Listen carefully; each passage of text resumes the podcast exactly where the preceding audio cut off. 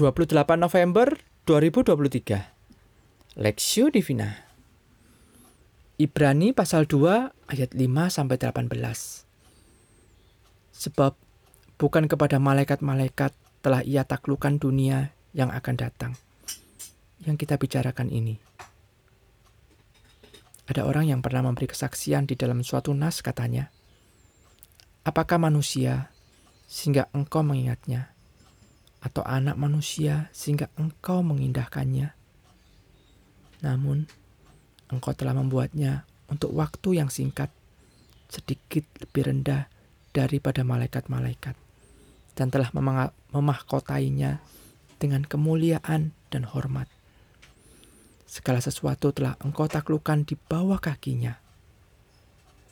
Sebab dalam menaklukkan segala sesuatu kepadanya, tidak ada sesuatu, sesuatu pun yang ia kecualikan, yang tidak takluk kepadanya. Tetapi sekarang ini belum kita lihat bahwa segala sesuatu telah ditaklukkan kepadanya. Tapi dia yang untuk waktu yang singkat dibuat lebih sedikit, dibuat sedikit lebih rendah daripada malaikat-malaikat, yaitu Yesus. Kita lihat yang oleh karena penderitaan maut dimahkotai dengan kemuliaan dan hormat, supaya oleh kasih karunia Allah ia mengalami maut bagi semua manusia. Sebab memang sesuai dengan keadaan Allah yang baginya dan olehnya segala sesuatu dijadikan, yaitu Allah yang membawa banyak orang kepada kemuliaan, juga menyempurnakan Yesus yang memimpin mereka kepada keselamatan dan penderitaan. Sebab ia menguduskan dan mereka yang dikuduskan, mereka semua berasal dari satu. Itulah sebabnya ia tidak malu menyebut mereka saudara. Katanya, aku akan memberitakan namamu kepada saudara-saudaraku dan memuji-muji engkau di tengah-tengah jemaat. Dan lagi, aku akan menaruh kepercayaan kepadanya.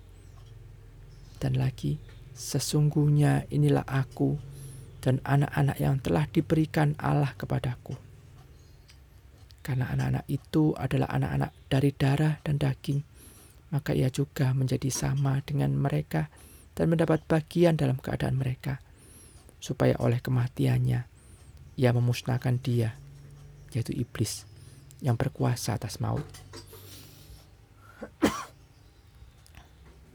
dan supaya dengan jalan demikian ia membebaskan mereka yang seumur hidupnya berada dalam penghambaan oleh karena takutnya kepada maut.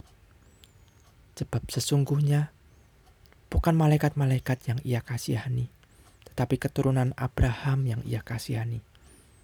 Itulah sebabnya maka dalam segala hal ia harus disamakan dengan saudara-saudaranya, supaya ia menjadi imam besar yang menaruh belas kasihan dan yang setia kepada Allah untuk mendamaikan dosa seluruh bangsa.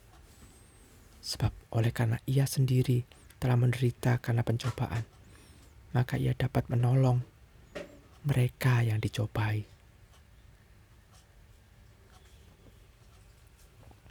Perendahan diri sang anak perspektif. Itulah sebabnya maka dalam segala hal ia harus disamakan dengan saudara-saudaranya supaya ia menjadi imam besar yang menaruh belas kasihan dan yang setia kepada Allah untuk mendamaikan dosa seluruh manusia, seluruh bangsa. Ibrani pasal 2 ayat 17. Ibrani 2 ayat 9 menyatakan bahwa Yesus untuk waktu yang singkat dibuat sedikit lebih rendah dari malaikat-malaikat. Mengapa Yesus mau melakukannya? Tuhan Yesus bukan sekedar belusukan atau hadir di tengah dunia untuk melihat kondisi dari manusia dan dunia ini sudah jatuh dalam dosa.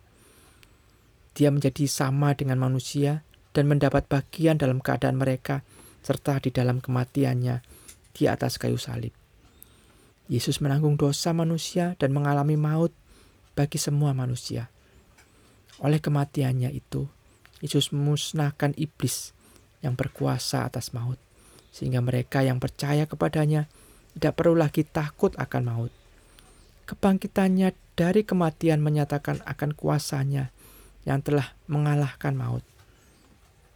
Percayakah Anda akan berita Injil ini?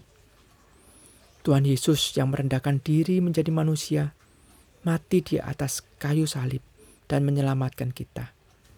Juga mengingatkan kita bahwa dia dapat merasakan apa yang kita rasakan di tengah dunia ini dia mengalami penderitaan karena pencobaan, tapi dia setia dan menang sehingga dapat menolong kita yang mengalami pencobaan di tengah dunia ini.